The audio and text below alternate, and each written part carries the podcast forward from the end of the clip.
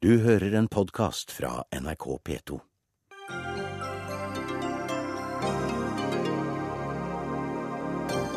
Helge Lund går av som Statoil-sjef og er den første toppsjefen deres som ikke har fått sparken. Likevel er det oljearbeidere som heiser flagget i glede over at han slutter. Regjeringa vil ha fritt salg av gårdsbruk og slutt på boplikt på norske gårder. Da flytter vanlige folk, og bare de rikeste overtar, mener Senterpartiet og KrF. Kirka burde bry seg om kunst, men den er likegyldig, sier kunstner Håkon Bleken. Men Kirkerådet mener han overdriver. Og mellomvalget i USA nærmer seg. Resultatet kan bli enda vanskeligere tider for Obama.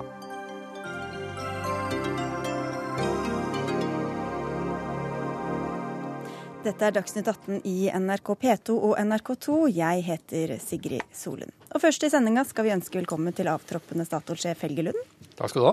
Og ikke minst gratulere deg med ny jobb som sjef hos en av Statoils største kunder, britiske BP, BG Group. Takk skal du ha. Du er jo den første toppsjefen i Statoil som ikke får sparken, har vi hørt. Turte du ikke ta sjansen på å vente lenger? Jeg har vært i Statoil i, i ti år. Det har vært et privilegium, syns jeg. Jeg syns å jobbe med flotte mennesker teknologi, politikk, geopolitikk, investeringer. Eh, så jeg syns jeg har hatt ti gode år. Men det er en tid for alt. Og jeg tror det er fint både for Statoil og for meg at det blir et skifte nå. Eh, denne dagen har helt sikkert brakt mange inntrykk eh, for deg. Et av dem er kanskje meldinger om at oljearbeidere heiser flagg og feirer din avgang. Hva sier det deg at de gjør det? Det er klart at vi jobber i en bransje som store, har store omstillingsbehov, nærmest kontinuerlig. Og eh, vi jobber sammen i Statoil for å prøve å tilpasse oss det best eh, mulig. Eh, mitt inntrykk er at de aller fleste i Statoil de mener og jobber for at vi skal skape et bedre selskap. Men av og til så er vi uenige om hva vi må gjøre, doseringen, og kanskje også nødvendigheten av noen tiltak. Og til syvende og sist er det toppsjefen som må ta disse beslutningene. Og da må vi klare å håndtere uenighet. Det syns jeg også vi har eh, gjort. Men tar du det til deg at de er misfornøyd? Jeg tror at eh, det å være toppleder, det, er, det har ingen popularitetskonkurranse, som noen uh, sier. Jeg har vært opptatt av å jobbe sammen med ledelsen, styret og organisasjonen og skape et best mulig uh, Statoil. Og uh, vi er et bedre selskap i dag enn vi var for ti år siden. Vi har en sterkere posisjon i forhold til konkurrentene. Og jeg har hele tiden ment at alternativet til omstilling er mye, mye verre, for da skaper du gradvis en dårligere og svakere bedrift. Hva vil du si har vært din overordna strategi for Statoil de ti årene du har sittet som sjef? Den overordnede strategien har vært å skape ny vekstkraft og utvikling på norsk eh, sokkel. Det har vært å gradvis eh, internasjonalisere eh, Statoil. Og man vil ikke overleve og utvikle som olje- og gasselskap med mindre man klarer å finne nye ressurser. Det syns jeg også våre folk har gjort på en helt utmerket måte de siste årene. Men denne internasjonaliseringa, altså satsinga i andre land, har gått på bekostning av satsinga på norsk sokkel, mener Safe, altså organisasjonen som vi skal høre fra etterpå. Og de mener det har vært i strid med det Statoil skal være. Hva svarer du på det? Jeg mener det er helt uh, uriktig. Vi har utviklet uh, olje- og gasskompetanse i verdensklasse i Norge i over 40 år. Vi kan skape verdier, utvikling, vekst, styrke selskapet ved parallelt å uh, investere i Norge, men også utvikle selskapet utenfor Norge. Det skaper en mer verdifull bedrift, det skaper en mer spennende bedrift og en mer langsiktig bedrift. Det er også slik at vi i denne perioden har gjort kjempestore funn på norsk sokkel og mange tomme brønner i det siste òg, da. Det også, men, men, det er ikke mange oljeselskaper i dag som er forunt å arbeide f.eks. med et eh, prosjekt som Johan eh, Sverdrup, som er helt gigantisk, veldig lønnsomt og vil skape verdier for Norge eh, i mange, mange, mange tiår fremover, og gode arbeidsplasser. Men dere har også fått kritikk, mye kritikk gjennom årene fra miljøbevegelsen for mange ting. Manglende satsing på fornybar energi, for satsing på oljesand, skifergass, manglende oppfølging av CO2-fangst og -lagring bl.a. Hvorfor har dere ikke gjort mer for å gjøre Statoil grønnere? Hele Statoil er engasjert i problemstillinger knyttet til eh, energi og klima. Men vi må løse begge utfordringene samtidig. Jeg tror internasjonalt Statoil blir anerkjent som et av de mest progressive selskapene når det gjelder tenkning og, og industriell utvikling innenfor disse områdene. Men vi må både skaffe mer energi og eh, bidra til å løse klimaproblematikken. Og eh, der tror jeg olje- og gasselskapene kan spille en viktig rolle fremover. Men oljesand, hvorfor har dere holdt på med det? Det er det slik at uh, verden mangler uh, olje og energi, og en av de uh, mulighetene har vært og er oljesand. Det utvikles i et relativt høyt tempo, men også der er det jo en hovedutfordring at man redusere CO2-utslippene fra eh, virksomheten. Og Det er en oppgave både for oss og for andre som er engasjert i det. Dere investerte ikke en krone i fornybar energi eh, i fjor. Hvor klokt er det på lang sikt eh, med tanke på at oljeprisen faller og grønn energi blir mer etterspurt og også mer lønnsom? Vi har hoveddelen av vår kompetanse innenfor olje og gass. Vi har tatt noen grep innenfor fornybar. Den viktigste investeringen vi har gjort så langt, er innenfor offshore vind i Storbritannia. Eh, der har vi stort, eh, en stor vindpark nå som produserer, og vi tok akkurat for noen måneder siden en investeringsbeslutning også på den neste eh, vindparken. Og Der ser vi at vi har lært mye og kommer til å gjøre et enda bedre prosjekt i neste fase. Du snakker fortsatt i vi-form om deg og Statoil. Nå er det snart slutt på det. Noe av det du har fått ros for som Statoil-sjef, er hvordan du håndterte terrorangrepet i In. Hvordan vil du si hele den erfaringa har prega deg som menneske? Det var en forferdelig opplevelse, spesielt for familien og de som var berørt. Det var også en eh, stor påkjenning for Statoils organisasjon og alle våre medarbeidere. Og det et, eh, gjorde et veldig, veldig sterkt inntrykk eh, på meg som leder. Det er jeg som har ansvaret for alle de 24 000 ansatte i Statoil og deres sikkerhet.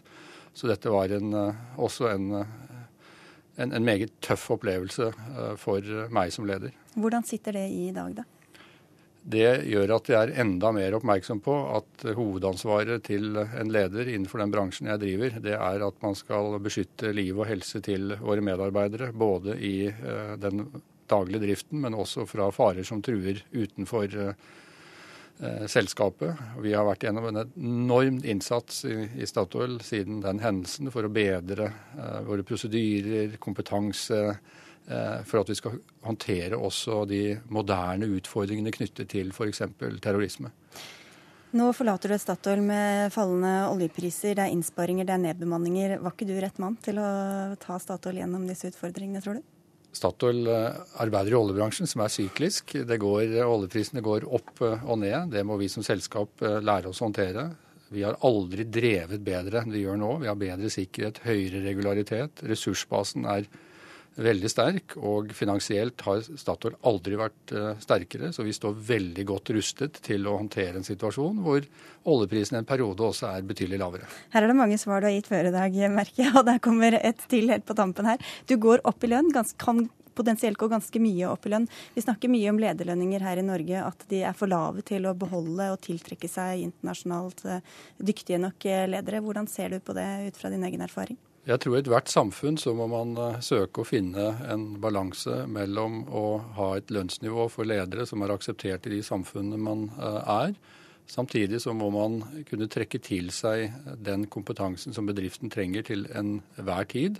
Det er en krevende utfordring eh, i Eh, Norge og i mange andre eh, land. Men Har det vært medvirkende for deg til at du skifter jobb? Jeg har vært inne på det i dag, at eh, hovedbegrunnelsen min for å skifte jobb er at jeg har vært over ti år i, i Statoil. Jeg mener det er riktig å skifte, og at jeg syns denne lederutfordringen er veldig veldig spennende. Vi får ønske til lykke og si tusen takk for at du kom til Dagsnytt 18, Helge Lund. Du hadde ikke så lyst til å bli sittende og evaluere din egen innsats, men det er det flere der ute som står og venter på å gjøre. Takk skal du ha. Takk.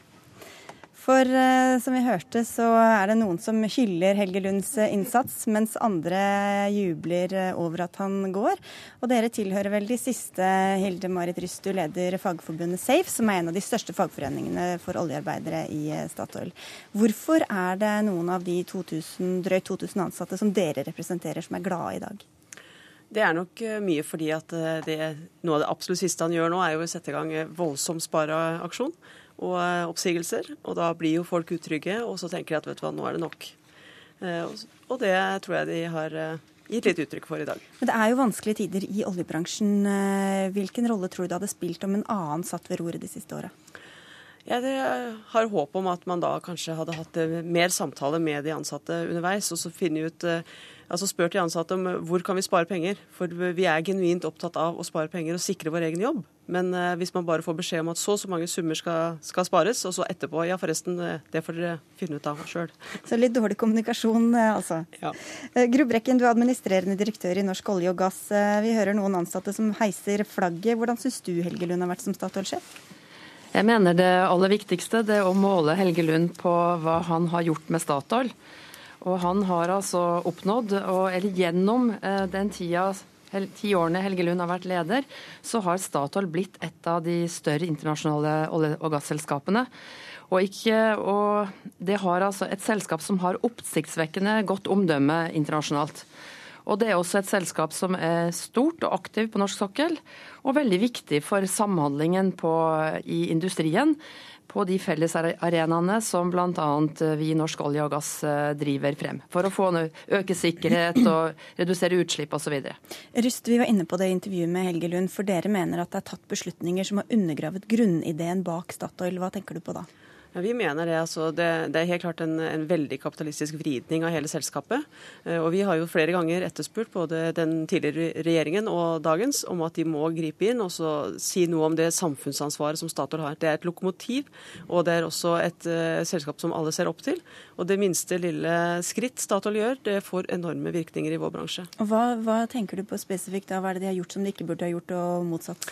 Nei, akkurat nå er jo det siste med å ta sånne enormt uh, rask innsparingsgrep, og uten å ha kommet med fakta hva de faktisk skal spare de inn på. Og vi er jo veldig usikre på om det her nå går på HMS, eller om det går på prosjekter som ville gitt fremtidig inntekt, f.eks. Nå er jo ikke Helge Lund her, men jeg vet ikke Gro Brekken om du vil være hans ridder? Eh, jeg trenger ikke å være hans ridder, men jeg kan si på vegne av olje- og gassindustrien i Norge og internasjonalt at det er nødvendig med en omstilling for å øke produktiviteten i næringen. Det har vært en enorm kostnadsøkning, ikke bare i Norge, men i andre land. Og eh, vi har eh, har også i tillegg fått en reduksjon i oljeprisen. Og For å sikre arbeidsplassene og for å sikre industrien de neste 40-50 årene også i Norge, så er det viktig det grepet som Statoil nå tar. Og som eh, Hilde Marit, som du sier, det, du vet ikke hvor det ender, men jeg, mitt inntrykk er at de vil gå gjennom eh, ikke bare hvem som er ansatt og hvor mange, men det er på en måte arbeidsmåter og hvordan man kan gjøre bransjen mer produktiv. Det vil alle arbeidsplassene bli sikrere og tryggere av når, eh, når den, det er gjort, og det er nødvendig. Jeg er, ikke, jeg er ikke, uenig i det at, vi, at, man må gå gjennom kostnadene og se på det, men det er måten det blir gjort på her. Og, og det er det vi er opptatt av òg. For hvis du faktisk spør de som har skoene på, så har de mange gode ideer til ting som kan gjøres på en annen måte. Hvis, ja, ja. Jeg håper at dere blir hørt på, for jeg tror det, dere har mange ideer til ting som kan bli gjort enklere. Det har jeg skjønt, og det tror jeg er viktig at alle er med og involvert i den prosessen. Bellona-leder Fredrik Hauge, du sier at du håper dagen i dag vil markere slutten på Helge Lunds tenkemåte. Hva mener du med det? Jeg mener at vi under Helge Lunds ledelse har sett et slags veddemål på at politikerne ikke skal klare klimakampen. Og jeg begrunner det med at man har brukt store ressurser på å få tak i ressurser som er dyre, og som har store miljøkonsekvenser. Statoil har vært svært aktive i forhold til å komme til Arktis. Man har investert i oljesand, man har holdt på med skifergass.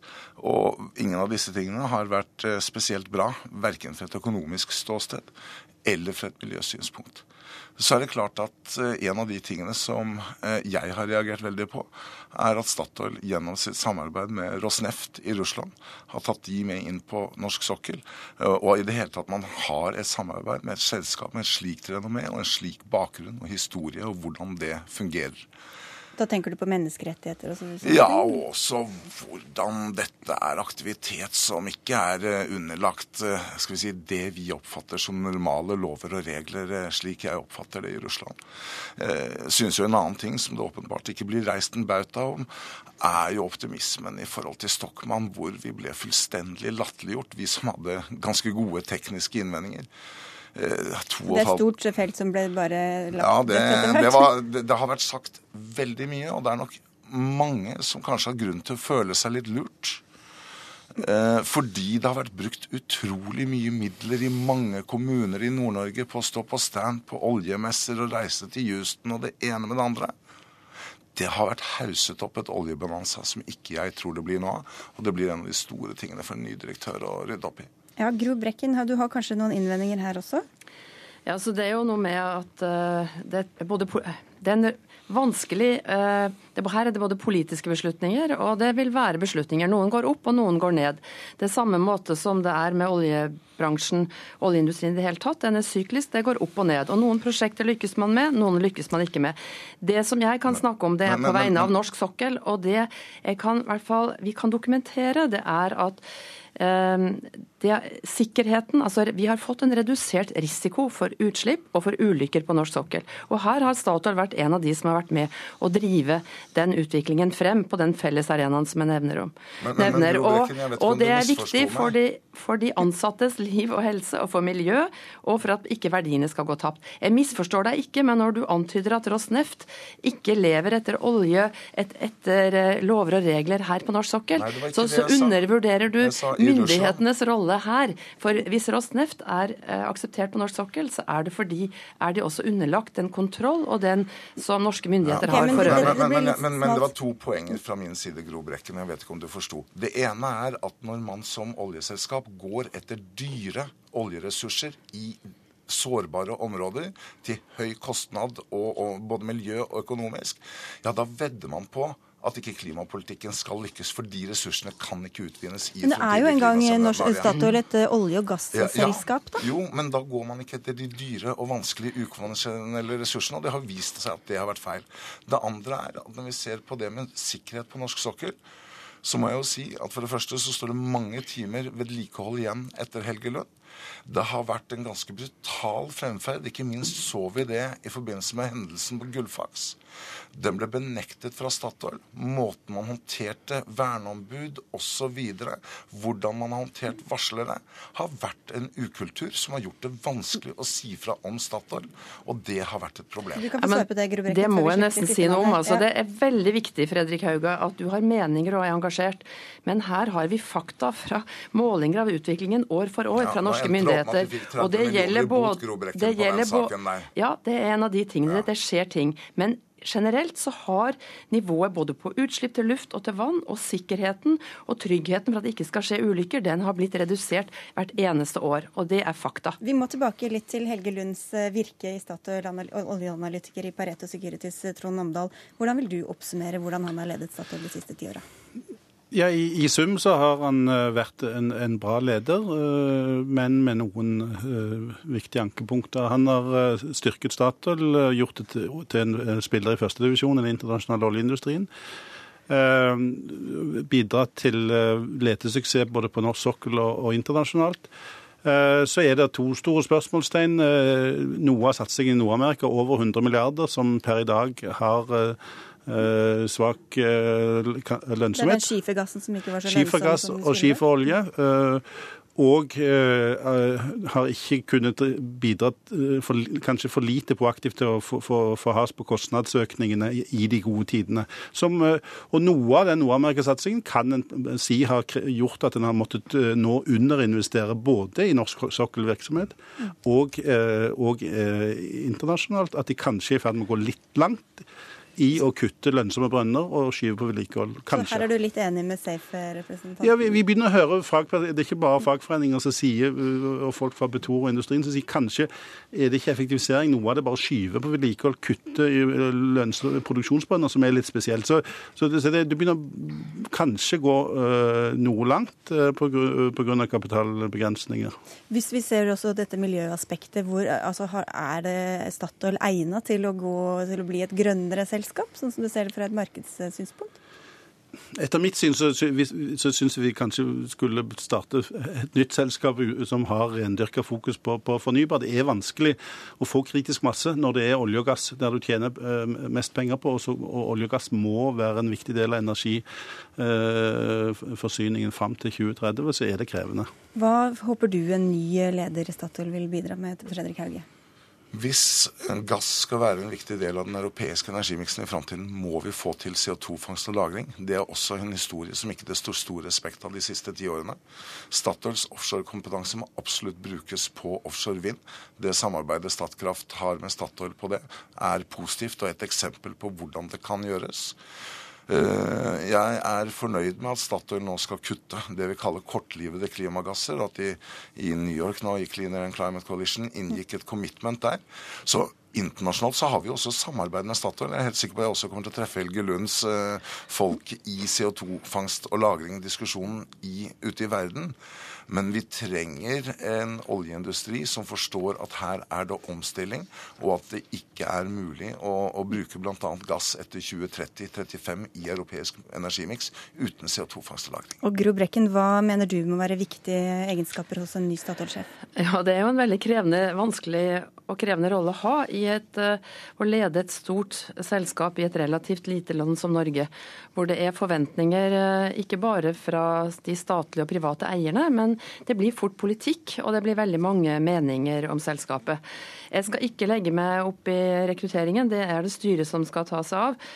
Uh, og retningen har jeg skjønt, den skal fortsette, og den settes, den settes, av eierne og av styret. Og det er nå engang sånn at for olje- og et gasselskap som Statoil, så er kjernevirksomheten olje og gass. Og hele industrien på norsk sokkel er jo opptatt av å ha et sterkt fokus på miljø, redusere utslipp til luft og vann, men det er det som er kjernevirksomheten og kjernekompetansen som vi har. Så nå vil noen vurdere om de er gode nok til å drive med andre ting, men det får være en forretningsmessig vurdering. Vi må ta det samme spørsmålet til deg også, dere to også, Trond Omdal. Aksjekursen falt for Statoil i dag da nyheten ble kjent. Skal, hvem, hvem skal de ansette for å få den opp igjen, tror du? Uh, ja, kanskje den, den, fasen Statoil går inn i, så er det jo litt mer kostnadsfokus og restrukturering. Uh, så, og du trenger en, en, sjef med helst ledererfaring fra olje- og gassvirksomheten, og ja, god teknologisk uh, forståelse. Og, og det skal òg en som kan involvere de medarbeiderne i, i den omstillingen. Og det siste kan vel du skrive under, rust? Ja, helt klart. Det, det, er det vi er ute etter. Vi, vi, er ikke i tvil om at vi sørger for at den har kapitals kapitalistisk teft, den som blir ansatt, men vi er opptatt av at den også skal ha verdiene som vi trenger for å fungere i arbeidslivet i Norge. Og at man da tar, setter seg ned med de ansatte og, og starter derfra, egentlig. Ti år er altså over for Helge Lund i Statoil. Takk skal dere ha alle fire for at dere var med i Dagsnytt 18 og markerte det. Dagsnytt 18 alle hverdager klokka 18.00 på NRK P2 og NRK2. Hvor vi snart altså skal høre hvorfor kunstneren Håkon Bleken kritiserer norske kirker. Men først noe helt annet. Konsesjonsloven og boplikten på norske gårdsbruk skal bort, sier regjeringa i et forslag som ble sendt på høring i dag. Formålet med boplikten er å sikre at folk som eier landbrukseiendommer også skal bo der, mens konsesjonsloven regulerer bl.a. prisen de kan selges for, og hvem som får kjøpe gårdsbruk. Med landbruks- og matminister Sylvi Listhaug, hva i dette regelverket er det dere vil gjøre om på nå? Vi ønsker å fjerne hele lova, fordi vi mener at dette er en sterk inngripen i muligheten til bøndene for å bestemme over egen eiendom. Og det står 30 000 gårdsbruk tomme i dag til tross for at vi har denne lova her. Vi har tro på det at det er bolyst som må gjøre at folk flytter ut eh, på gårdsbruk, ikke botvang. Eh, og det viser også resultater. Men hva, hva, blir da det nye regelverket? Skal, hvordan skal dette fungere i praksis? Ja, da fungerer det sånn at det, uh, den som ønsker å selge eiendommen, får den prisen som da kjøper er villig til å betale. Sånn er det for alle oss andre i samfunnet som eier et hus eller en leilighet, at vi får betalt for den eiendommen, det som markedet er villig til å betale. Men for bøndene så er det sånn at da skal stat, eller det offentlige blande seg inn i prisen. Jeg syns det er helt urimelig og urettferdig. for fordi jeg mener at bøndene, som alle andre, må få den prisen på eiendommen som det den faktisk er verdt. Trygve Slagsvold Vedum, du er leder i Senterpartiet. Hva tror du dette forslaget kan lede til? Jeg syns uh, Sylvi Listhaug og regjeringa har en veldig naiv inngang i det her spørsmålet. Det Konsesjonsregelverket eller konsesjonstenkninga kom rett etter unionsoppløsninga, med Christian Michelsen, Castberg Hele den tenkningen. Og hva var grunnlaget for det? Jo, det var at en ønska å sikre eierskap til norsk vannkraft, norske naturressurser, til jord og skog. Fordi det var store internasjonale selskap som var i ferd med å kjøpe opp de naturressursene i Norge. Derfor innførte man en konsesjonslovgivning. Altså, vi endra den mange ganger siden da. Men hvis man fjerner konsesjonsloven, sånn som Listhaug nå tar til orde for, så vil det samme skje igjen. At det kommer til å komme inn AS, forsikringsbolag Kan vi bare liksom for lytternes del også, konsesjonsloven, hva er det den egentlig sier at må skje med dette gårdsbruket? Den stiller vilkår til hvem som kan eie et gårdsbruk. Du må drive for å ta over? Ja, du må bo der nå. Da må Ja. bo der i fem år. Hvis du kjøper en eh, eiendom på over 100 dekar eller over 25 mål dyrka mark, så må du bo der i fem år. Eh, og da kan f.eks. ikke et eh, forsikringsselskap, aksjeselskap, eh, den type storkapital komme inn og kjøpe opp store landarealer. Det er ikke mulig. Og det har vært en suksess i Norge at vi har hatt et nasjonalt eierskap til eh, landarealene, og at vi har et lokalt eierskap. For det skaper mer verdiskapning når de som faktisk eier arealene, også bor i samme område. Da blir det mer verdi, ut av det. Så hvis man på kort sikt, så det her er veldig langsiktige endringer. Men hvis man fjerner regelverket her, så kommer det til å skje det som skjer i Danmark. Der flere og flere forsikringsselskap, annen type storkapital, kjøper opp landarealene, og så leier man inn bønder igjen for å drive det. Og det er ikke en gunstig utvikling, og det er heller ikke et bærekraftig landbruk. Dette er jo sånn typisk skremselspropaganda. fordi at de som investerer pengene sine, er jo opptatt av mest mulig avkastning. Eh, Og jeg tror ikke at norske gårdsbruk er det første de putter pengene sine på, hvis du skal liksom tjene en hel masse penger. Fordi Hva sier det om deres politikk, egentlig? Nei, altså Det betyr jo det at vi har veldig engasjerte bønder som driver matproduksjon, men de, jo, de fleste gjør jo ikke det for å bli styrtrik. Det er jo for å produsere mat og tjene greit på det. Men det som jeg mener er litt av poenget, da, er at det, vi har nå har ført en politikk gjennom veldig mange år som har påført eh, folk tvang. Altså Det er kommuner som bruker penger på å ha folk som går rundt for å sjekke om folk bor i husene. Inspektører og andre som går og banker på dørene og sjekker bor dere her, for å håndheve boplikta. Jeg mener det er bedre at vi bruker ressursene som nå går til byråkrati, på å ansette flere lærere og sykepleiere. Men, men hvem tror du kommer til å kjøpe opp disse brukene, da? Det er fantastisk mange i dag som kunne tenke seg å kjøpe et gårdsbruk. Men problemet for mange er det at det finnes ikke gårdsbruk nok tilgjengelig til at de kan få kjøpe det. Og En av grunnene er jo det at når du som, som gårdeier da skal selge, så får ikke du igjen den prisen det er verdt. I enkelte områder betyr det at hvis du selger gården din, så får du en så lav pris at ikke du er i stand til å kjøpe deg ei fin leilighet eller et hus og flytte inn i istedenfor. Da blir du sittende der uten mulighet til å komme deg ut. I praksis er ikke det der noe, noe, noe problem, for at vi har endra de prisgrensene. Det det prisgrensene på.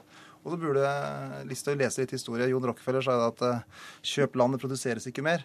Og, når, du ser på Kina og veldig mange andre aktører, så har en veldig offensiv politikk på å kjøpe opp land. Og Spesielt sånn rundt Oslo, rundt Trondheim, rundt Bergen, den type områder, så er det veldig attraktivt å kjøpe opp store gårder. Eh, ha god tid. Og man legger til rette for utbygging, for det er så mye kapital i å eie Da, eiendomsressurser. da legges eh, hele greia ned, liksom? Ja, Da må man sikkert drive litt, altså late som en slår det, gjøre noen sånne småtiltak. Men altså, det, det, vi ser fra alle andre land som har gjort det her, så kommer forsikringsselskap og den type selskaper inn. Og det er ikke noen grunn for at Norge skal være et spesielt unntak. Du skal få svare litt, men vi må få inn en tredje Ja, veldig det jeg enig tålmod, tel- tålmodig person her. Line Henriette Hjemdal, du sitter i næringskomiteen for KrF, eh, som jo regjeringa strengt tatt er eh, avhengig av. Er dette et forslag dere vil støtte? Nei, jeg syns vi skal snu litt på det og heller si sånn hva er det overordna målet her? Det overordna målet for regjering og for storting det er at vi skal øke matproduksjonen. At vi skal ha flere som har lyst til å bli bønder. Og da må vi bruke hele landet. Og da må vi jo legge til rette en eierpolitikk som eh, stimulerer til det. Eh, Og det kan jo ikke være sånn at eh, bonden ikke klarer å tjene nok på gården sin i forhold til det lånet han skal betale. Altså fordi Hva har bonden som inntekt? Jo, det er det skogen sin, eller det han kan produsere på jorda. Hva har dette forslaget med det å gjøre? Jo, det har jo hvis prisen nå Man fjerner boplikten. Da sier statsråden i dag, som er helt rett, at prisen kommer til å gå opp på landbrukseiendommer. Ja, Da blir det dyrere å kjøpe. De som har råd, kan kjøpe det. Men hvis målet vårt er at vi skal øke matproduksjon, så må man jo på en måte være samsvar mellom prisen på gården og det du får ut av gården. Og det er det som ikke går opp her. Vi skal lage en framtidsretta politikk. Ja, man var klok i 1905, men nå er vi i 2014, og vi må nok ta noen steg framover for å øke matproduksjon og jordnummerrekrutteringa, men sånn som statsråden gjør, bare en pennestrøk, boplikt bort, nei, det er ikke veien å gå. Og statsråd, Jeg har en nabokommune, Hvaler, med en god Frp-ordfører. Han har ikke mange byråkrater som går og banker rundt eh, på husene i forhold til å sjekke om de har boplikt. De har god kontroll. Han, min gode naboordfører, Frp, ønsker boplikten. Det er også en del av dette landskapet. Ja, Så ser vi andre kommuner som har hatt det, som Arendal og Grimstad, som er attraktive kommuner, som fjerner den, nettopp fordi at de ser det er mye triksing og miksing, og at det ikke fungerer i praksis. Men det, er, det er ingen menneskerett å bli bonde i Norge. Altså, Du må jo se på din egen lommebok om du har råd til å kjøpe en gård. Og jeg syns det er helt feil og urettferdig tankegang å si at dere som eier en gård, skal være med på å subsidiere de som ønsker å gå inn i denne næringa. Nei, det må være rettferdighet, sånn at de får igjen de verdiene som ligger der der. Det... Og så når det gjelder som Norge som et sånn spekulantobjekt. altså Det er jo sånn at i Norge så er prisene på eiendom skyhøy langt over det det både er i våre naboland og ellers i Europa. Sånn at det, Jeg tror ikke akkurat at dette vil bli noe stort problem.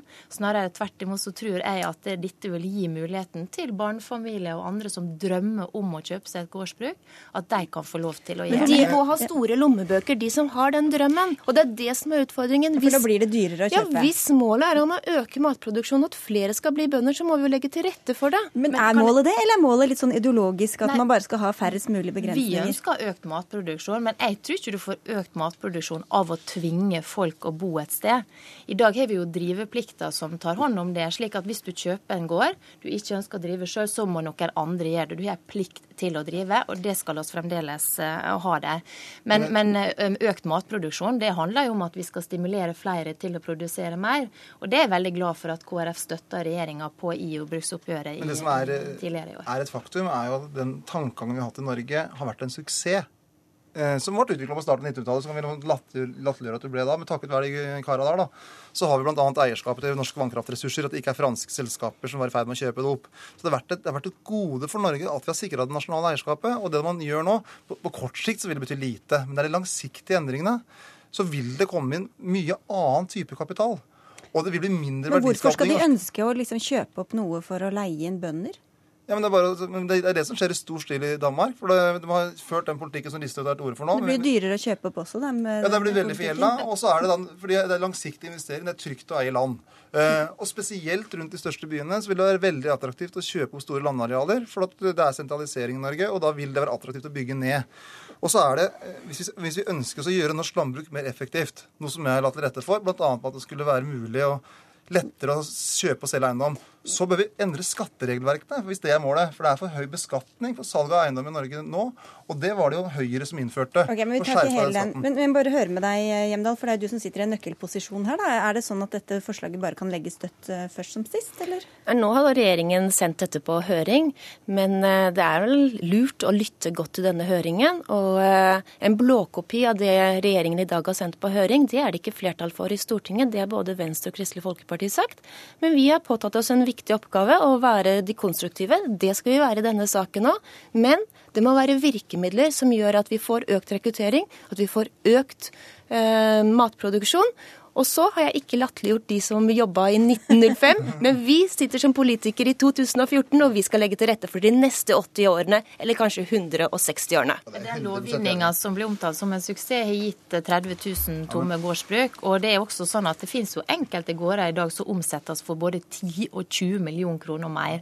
Og Hvis vi skal forfølge det som dere sier da, så, så skulle jeg anta at dere var for et makstak da, på hvor mye du kan betale for en eiendom, fordi at det vil føre til at mange ikke har råd det, det, det, det, det er snakk om mer rettferdighet for de som eier eiendommen. Hvis det på 10-20 eh, millioner kroner, så er det verdt det.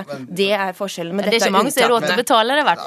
Helt til slutt. To, to poeng. Altså det, det, tallet som Listhaug bruker, 30 000, det er et helt feil tall. For de fleste plassene av de bruka er ikke konsesjon på i dag, for de er så små. Men det er 30 000 Jo, men de er, er så små, så de har ikke konsesjon. Og det som er viktig, er å sikre det, det langsiktige eierskapet på de store arealene. Eh, og da bør vi ha en viss mulighet til å styre det politisk, så det ikke er forsikringsselskaper og AS-er som skal eie Norge. Og nå skal det over til Stortinget etter hvert, så får vi se hva det kommer fram til. Tusen takk skal dere tre ha for at dere var med i Dagsnytt 18 i denne runden.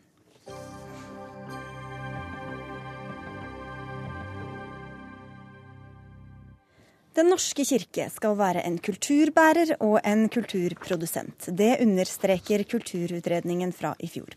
Om den klarer det, er en annen sak. I hvert fall skriver Vårt Land at kirka burde vært mye mer interessert i samtidskunst. Og da er det deg de siterer, kunstner Håkon Bleken. Hva mener du med at kirken må være mer opptatt av kunst? Ja, det er, det er, jo for, noe galt som har skjedd der. altså, fordi at eh, Jeg har slett ikke kritisert Kirken for at den eh, bruker for lite, til, lite mm, penger på kunst. Og Det forekommer en del spissformuleringer som jeg nå vil eh, forsøke å rette opp litt. For Det som skjedde, var jo at jeg ble oppringt fra Vårt Land og spurt om Uh, uten videre nokså nok så bardus at tror du kirken er, hvordan er det den norske kirke, er den opptatt av samtidskunst? Og da tenker jo jeg selvfølgelig øyeblikkelig samtidskunst, hva er det for noe? Det er, det er, i hvert fall ikke min generasjon, fordi at samtidskunsten, slik som den oppstår som uh, er satt på en viss bevegelse, det er jo, det er jo kunst som ligger langt uh, fremme i tiden i, i forhold til meg, f.eks. Uh, uh, Melgaard og, uh, og han, Fallbakken og slike folk. Så jeg altså da øh, svarer ut på det, mitt kjennskap til øh, kirkens folk. Og det er ikke, det er ikke, det er ikke, det er ikke snakk om øh, å, bruke kunst på kirkelige oppgaver for, meg, for mitt vedkommende. Det er ikke det jeg snakker om. Jeg snakker om, om når et menneske spør meg om er Kirken opptatt av, av kunst, så er mitt, min øyeblikkelige reaksjon den at den, det er den særlig grad ikke, i hvert fall ikke noe mer enn alminnelige folk. Så dette, så dette, er jo en samtale som, som også da utspinner seg på en måte her, slik at, at de hovedmeningene blir ofte, blir ofte dempet, mens altså sideinnspill, f.eks. det at den, den, er null interessert i kunst, det blir fremhevet fordi det er journalistisk godt stoff. Hvis, og, jeg, og, et øyeblikk, jeg bare mm. si en ting. Og når jeg da ser dette slått opp på første side i i, i, vårt land, så fører man til som Lotte og Weimar møter Goethe etter 60 års avskillelse. Og, og, Goethe siterer noen har sagt, og da svarer hun at hadde jeg visst at jeg uttalte meg for evigheten, hadde jeg ikke ordlagt meg slik. Og det, men, det, er jo det det Men nå er det på direkteradio. Vi vrir ikke, vender ikke på noen ting. Og jeg vet ikke hva Vårt Land har å si til, eh, om hva de har holdt på med, eller om de er enig med din eh, beskrivelse. Men hvis vi nå går til eh, kjernen i dette, da, så er det sånn at, at du sier at de ikke virker spesielt opptatt av samtidskunst. Men er det noe de burde være, mener du?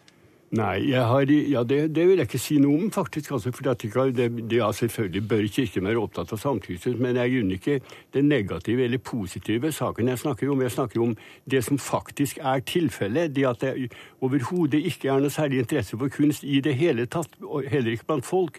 og at kirkens folk ikke er noe særlig annerledes innstilt i, forhold til kunst enn en det alminnelige mennesket er. Men det skal dere jo egentlig være, da, ifølge denne utredningen fra i fjor. Eh, Hans Arne Akerød, du er kultursjef i Kirkerådet. Eh, er dere opptatt av kunst? Ja, det, vil jeg si vi er. Og, og, det kommer veldig klart fram, ikke minst i forbindelse med kirkebygg, som eh, at Kirken kan ta all kunst, alle kunstformer og alle kunstuttrykk i bruk i kirkerommet. Så sant det tjener det kristne budskapet og lar kirkerommets særpreg og egenart komme til utfoldelse. Eh, og kulturmeldingen, eller 'Kunsten å være kirke', som utredningen het, den kom i 2005.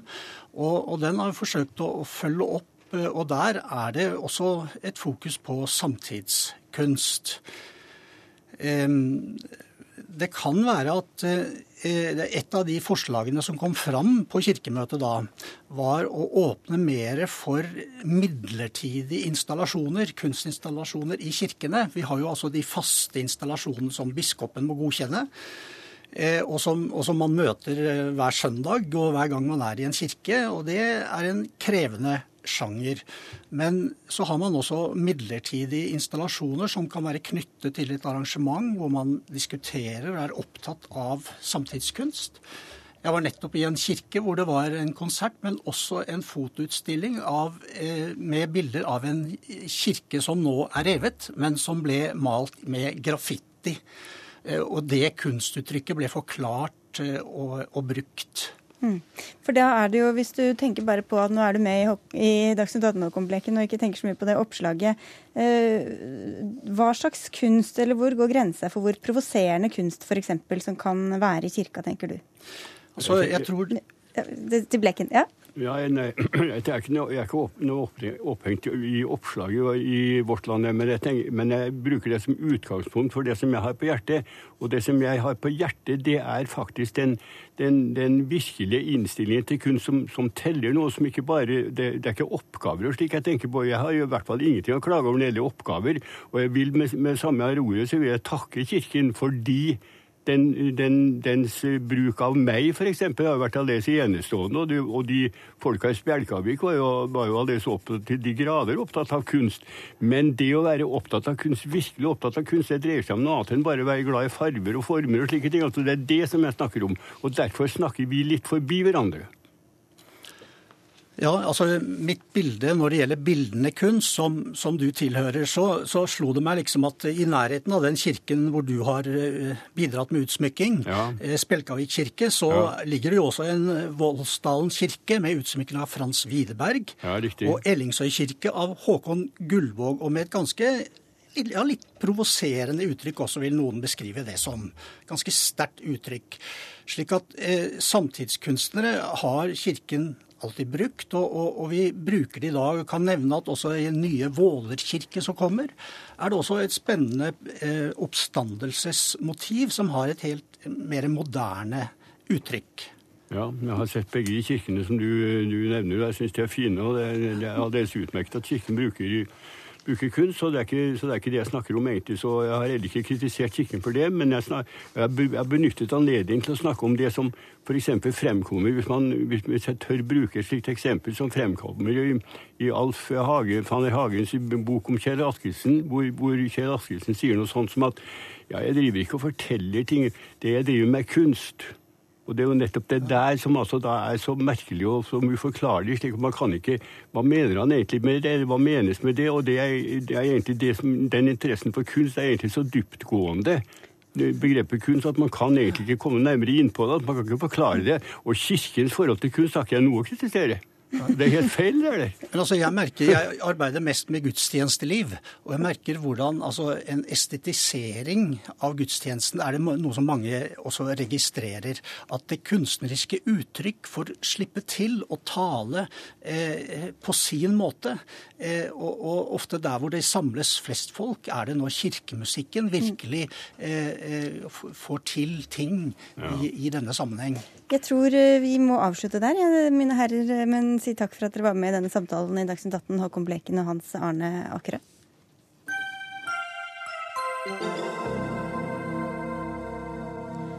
Norske banker og andre finansinstitusjoner blir eh, lagt under EUs nye tilsynsorgan etter en ny avtale. Til gjengjeld kan de fortsatt konkurrere i Europa på like vilkår som sine utenlandske konkurrenter. ESA, som nå overvåker EØS-avtalen, skal ha tilsyn med bankene. Kjetil Widsvang, du er kommentator i Dagens Næringsliv. Kan du prøve å forklare og oversette noe av det jeg nettopp sa? Det som skjedde var at etter finanskrisen og så gjeldskrisen i, eh, fra 2008, så var jo årsaken til det at banker hadde lånt ut altfor mye penger eh, og finansierte eiendomsbobler i Spania og Irland og sånt fant ut de måtte stramme om opp de tilsynsordningene som allerede var. Og så fikk du etablert flere nye tilsyn fra i 2011. Og det er disse nå Norge slutter seg til. Og hvorfor gjør vi det? Fordi at vi vil ha tilgang til markedene i EU parallelt med andre. Hvis det ikke hadde skjedd med norske banker, så kunne de fått litt status som sånn utenfor, utenfor banker, og det er ikke så gøy å være i dag. Men hva om noe kan dette få å si for den jevne bankbruker i Norge? Veldig lite. Jeg tror ikke det. Altså, det er, uh, norske banker holder seg stort sett innenfor de grensene som er satt. Og uh, en del av de problemene som er tatt opp, er et mindre problem. Bl.a. det de har tatt opp i det siste, er uh, lønninger og bonuser til, til toppbanksjefer og bitcoins og sånt noe. Så det ligger litt utenfor. Samtidig så de store utfordringene i EU ligger litt under andre ting som ligger under den uh, europeiske sentralbanken, som skal ha sitt eget opplegg for de aller største bankene i EU. Mm. Eller i eurosonen. Ikke store konsekvensene, altså. Trygve Slagsvold Vedum, fortsatt leder av Senterpartiet. Men likevel protesterer dere og vil stoppe det i Stortinget. Hvorfor det? Ja, Det norske folk har jo hatt eh, to store debatter om vår tilknytning til EU. Hadde 72. Eh, folket sa nei, man hadde det i 94, og folket sa nei. Man mente at det var viktig at Norge som land har nasjonal kontroll. At det er norske myndigheter, norske storting og den norske regjering som skal utforme politikken for Norge. Og Vi har da et norsk finanstilsyn nå som har gjort en god og solid jobb. Eh, vi klarte oss eh, meget godt gjennom finanskrisen i 2008. Det er jo selvfølgelig sammensatte årsaker til. Men, eh, men, vi har klart etter den bankkrisen vi hadde på starten av 90-tallet, å ha en god bankregulering og sikre et norsk bankmarked. Og Det prinsipielle som vi tar, tar stilling til her, er at vi skal gi fra oss den nasjonale kontrollen. At det er nasjonale myndigheter, regjering og storting som bestemmer, til at det skal være ESA og EUs systemer eh, som styrer og bestemmer. Mm. Eliten i Norge har hele tiden vært for at det er EU som skal bestemme det. Men folk har sagt nei.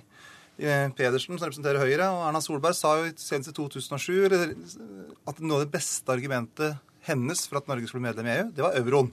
Men folket sa nei til det. Og når du ser hvordan EU har håndtert sin finanspolitikk, sin kredittpolitikk de siste åra, så har det ikke vært noen stor suksess. Det har vært en fiasko. Men Høyre har hele tiden vært for å slutte oss til det systemet. Og da heldigvis har vi til nå ikke gjort det. Så vi blir snike-EU-ifisert eh, på et vis, da? Eller hva, Jon Gunnar Pedersen, du er statssekretær i Finansdepartementet? Nei, vi gjør ikke det. Altså, dette er internasjonale reguleringer som vi ønsker. Dette er internasjonale reguleringer som markedene trenger. Og Det er jo helt, en helt bisarr situasjon. Altså jeg kommer fra eh, Hedmark på samme måte som Slagsvold Vedum gjør. Og Det er helt merkelig at det eneste rovdyret som Senterpartiet vil verne, det er internasjonale finanshaier. Dette er reguleringer som er nødvendige for å ha internasjonalt samarbeid, ikke minst internasjonale kriser. Vi sørger for at den reguleringsmyndigheten den holdes innenfor EFTA-systemet, der vi er med. Så selv om ikke vi hadde måttet, så hadde vi ønsket å være med på, under den samme reguleringa? Ja, noe av dette er jo et sterkt ønske fra oss om å kunne få reguleringer også i EU hvis det oppstår en krisesituasjon i Norge. F.eks. For, for å stoppe shorthandel, som er en type handel, en spekulativ handel med verdipapirer, som noen ganger fungerer bra, men som i krisetider kan slå veldig veldig skjevt ut. Står vi alene, kan vi bare gjøre noe med den i Norge, men norske papirer kan handles på børser over hele Europa. Mm. Og Da trenger vi samarbeid med europeerne for å kunne gripe inn i sånne situasjoner. Ja, men det som har vært, altså Høyre har jo i alle tilnærmingsprosesser til EU har vært ønska at vi skal slutte oss mer til. Den siste når jeg kom på Stortinget, så var den store debatten euro. Og Nikolai Astrup, Jan Tore Sanner, Erna Solberg sa at det beste argumentet for, for Norge for å bli medlem i EU, er euroen. Men Er det bare fordi det er EU at det er derfor nei, så blir dere automatisk imot, nei, eller ser dere på konsekvensene av det også? De siste åra har vist at nasjonalstaten har vært en meget velfungerende mekanisme, i motsetning til EU. EU har ingen suksesshistorie å vise til når det gjelder sin økonomisk politikk. Det går svært dårlig i eurosona nå. Storbritannia har klart å begynne å få til en vekst. USA har begynt å klart å få til en vekst. Og så skal vi eh, tilpasse vårt finanstilsyn til EU-systemet. Men Hva kan, hva kan bli konsekvensen av det da, tror du? Nei, så På kort sikt, så, i stort, så har vi mye av samme regelverket som man har i EU. Det har vi. Men vi gir fra oss muligheten til å ha nasjonal politikk.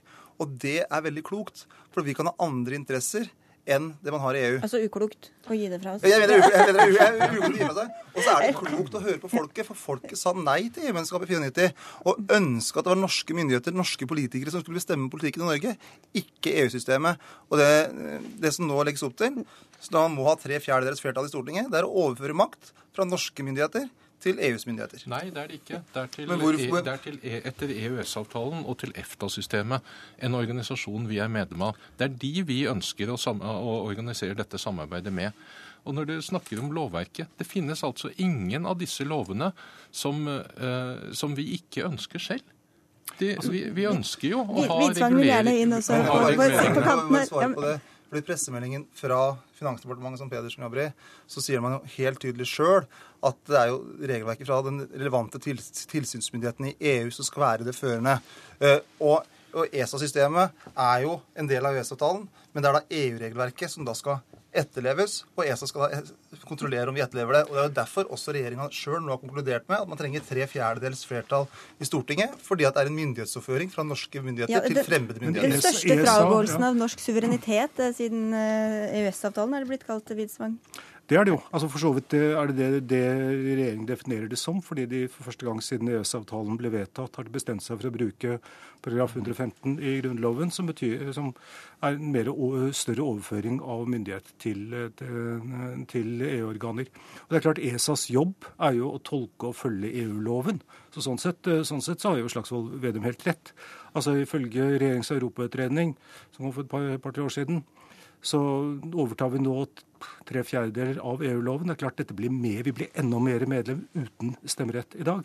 Men på den andre siden, det hadde vært eh, interessant å vite fra Slagsvold Vedum hva slags konkrete tilfeller han kunne tenke seg hvor Norge ville ha andre interesser enn å følge det regelverket som uh, Banktilsynet har. Vet du noe, eller er det bare hypotetisk? Nei, men Det som vi ser, ser nå, da, som er en utfordring, er jo at det, det er jo at de her regelverksutformingene som vi ser nå i EUs organer, er jo veldig til, tilpassa store banker, europeiske storbanker. Og norsk bankvesen er ganske annerledes. Altså, Vi har jo DNB Nord som kan defineres som en stor bank, og så har vi nordiske banker som er inne her. Men så har vi en rekke småbanker eh, og sparebankvesenet. Så det kan være at vi etter hvert vil si at det regelverket som utformes, er for komplisert og for krevende for norsk småbanksektor. Og da må vi ha den nasjonale muligheten til å diskutere det. For det er en svært viktig del av kredittmarkedet i Norge at vi har den spredningen i bankvesenet som vi har. Men, den muligheten til nasjonal kontroll og til, til å ha nasjonal tilpasning, den har vi den er i behold. Alle de lovene som vi kommer til å innføre som følge av dette, de har Stortinget sluttet seg til med deres ønsker også.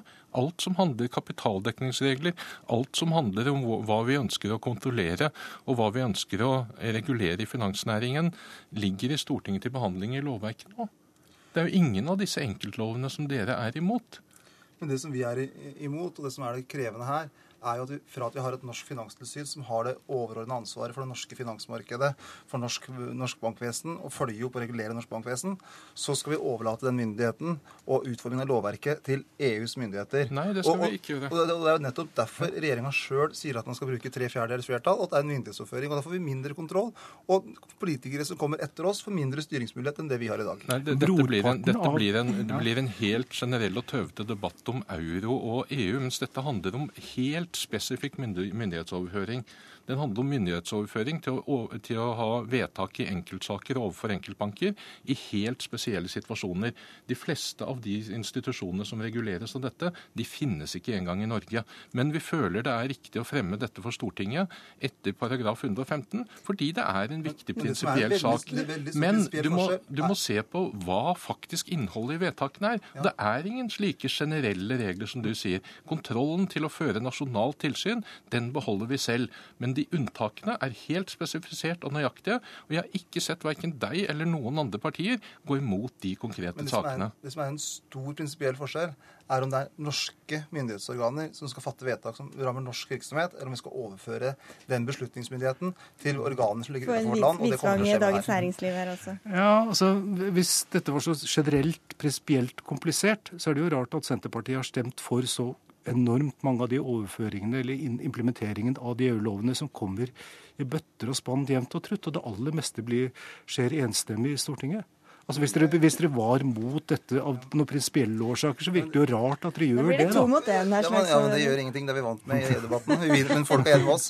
Men det som, er, eh, det som, det som er, har vært noe av det flotte i norsk EU-debatt de siste åra, og EØS-debatt, er at flere partier har begynt å diskutere reelt er vi for eller mot de ulike ordningene. og Derfor så var det i forrige stortingsdebatt, i forrige stortingsperiode eh, flertall f.eks. mot uh, postdirektivet. Vi hadde en reell debatt om datalagringsdirektivet. Så det er Men her er det bare dere og SV som er imot, ettersom hva jeg har forstått? Ja, det kan virke sånn og Det syns jeg er trist og synd. For det norske folk har sagt at man ønsker at norske myndigheter skal ha kontrollen. Og det som, det som, vi ser nå i EU, er at man kommer med flere og flere tilsynsorgan som vil få beslutningskompetanse over norsk virksomhet. Så Norge ønsker å slutte seg til, har sluttet seg til 30 av før, og det er før, og dere har vært for det òg. Men poenget med det er at det er veldig betenkelig at andre lands organ andre organer eh, skal få myndighet over norske bedrifter. Har dere stemt mot å være med i disse organene? Ja.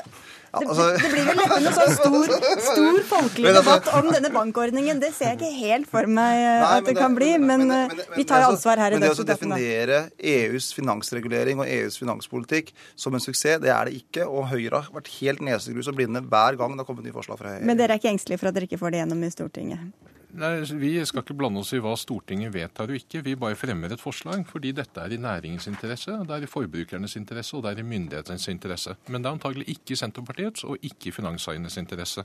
Men det konstaterer vi. Og, ikke, og da mister vi et, et selvstendig norsk finans, Og da tror jeg vi har gått i ring et par ganger. Takk skal dere ha i hvert fall for at dere kom til Dagsnytt 18 alle tre. Hør Dagsnytt 18 når du vil. Radio NRK Radio.nrk.no. President Barack Obama og Det demokratiske partiet i USA har opplevd sterk motgang den siste tida. Lettere blir det kanskje ikke av at mellomvalget nærmer seg. Den 4. november skal amerikanerne bestemme hvordan Kongressens seter skal fordeles. Are Flaten, du er redaktør for nettstedet amerikanskpolitikk.no. Hva står på spill nå i dette valget?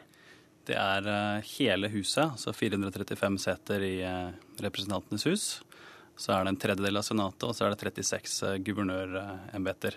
I tillegg til mange lokalvalg. Først og fremst er det hvem som får flertall i Senatet som er det store spørsmålet. Hvorfor er det så viktig? Det er republikanerne som kontrollerer huset nå, og så er det demokratene som har Senatet og presidenten. Hvis republikanerne får flertall også i Senatet, så vil de kunne vedta lover og sende de direkte til Obama uten at de stoppes i Senatet, som de nå gjør, ofte av demokratene. Så hva vil det gjøre med handlingsrommet til Barack Obama dersom republikanerne også får flertall der? Han kan, eh, han kan, velge å gå tilbake til eh, noen av valgløftene fra 2008. At han skulle samle USA og Washington. Eh, og det vil nok republikanerne spille på. De vil prøve å sende han en del lovtekster og se om han faktisk kun vil legge ned veto eller prøve å inngå et eh, kompromiss. Mm. Hva, hvordan har han håndtert dette så langt, han, altså med, med, bare flertallet mm. ene stedet? Så langt så har han sagt at det, de vil ikke samarbeide med meg, så da er det ikke noe vits i å prøve. Og har dermed utstedt presidentordre, sånne dekreter. Hvilke saker er det som eh, er viktige nå i denne valgkampen? Det er eh, på mange måter et Seinfeld-valg. Det er et valg om ikke så veldig mye. Men Eh, republikanerne drives av motstand mot Obama. Eh, og siden det er en del konservative delstater med senatsvalg nå, bl.a. sju stykk som Romney vant i 2012, som demokratene forsvarer, så drives valget av motstand mot Obama og helsereformen. Eh, mens demokratene snakker om minstelønn og behovet for å få gjennom sin agenda. Men uh, de spiller på en upopularitet for, uh, for, Obama. Hvor stor er den misnøyen med Obama i USA? Den er rekordhøy nå. En ny måling nå i dag. Men selv om den ikke er så stor altså helt nasjonalt, så er det i disse delstatene, f.eks. Arkansas, Louisiana, Kentucky, som Romney vant, så er den upopulariteten høy. Og dermed kan republikanerne driver valgkamp direkte mot Obama, nesten uten å nevne motkandidatens navn. Eh, fordi eh, man kan knytte de opp til Obama og hans, eh, hans agenda. Og det går ikke helt pent for seg alltid i denne valgkampen, har jeg forstått? Nei, det brukes jo rekordmye penger på TV-reklame i dette mellomvalget, sammenlignet med tidligere mellomvalg. Og siden det er demokrater som forsvarer seg mot mange republikanere, så bruker man mye penger på angrepsreklame. Man eh, påpeker eh, hva de vil gjøre dersom de får, eh, får overtaket. Og da blir det ufint.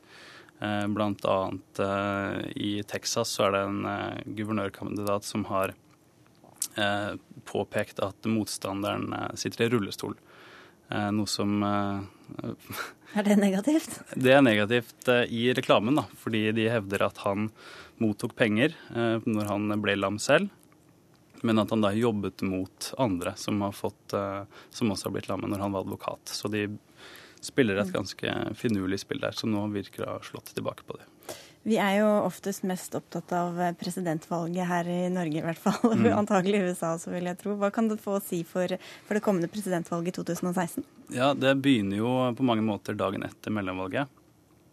Og eh, Hillary Clinton Eh, driver eh, mellomvalgkamp nå i høst sammen med andre kandidater. Det er også mange andre 2016-kandidater. Så det er en slags eh, en forberedelse til det som kommer.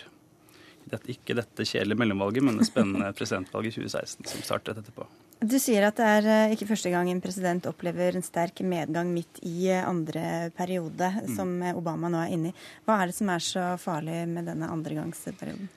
Ja, altså Obama har sittet i seks år. Det er regjeringsslitasje.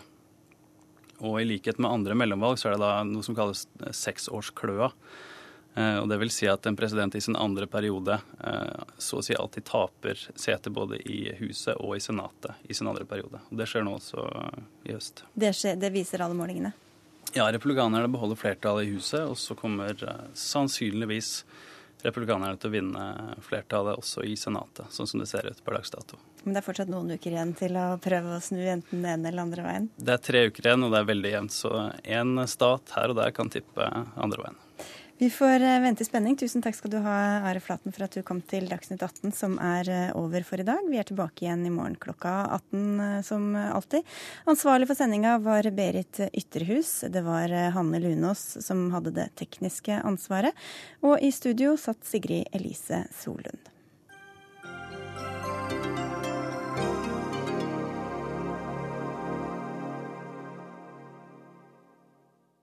Du har hørt en podkast fra NRK P2.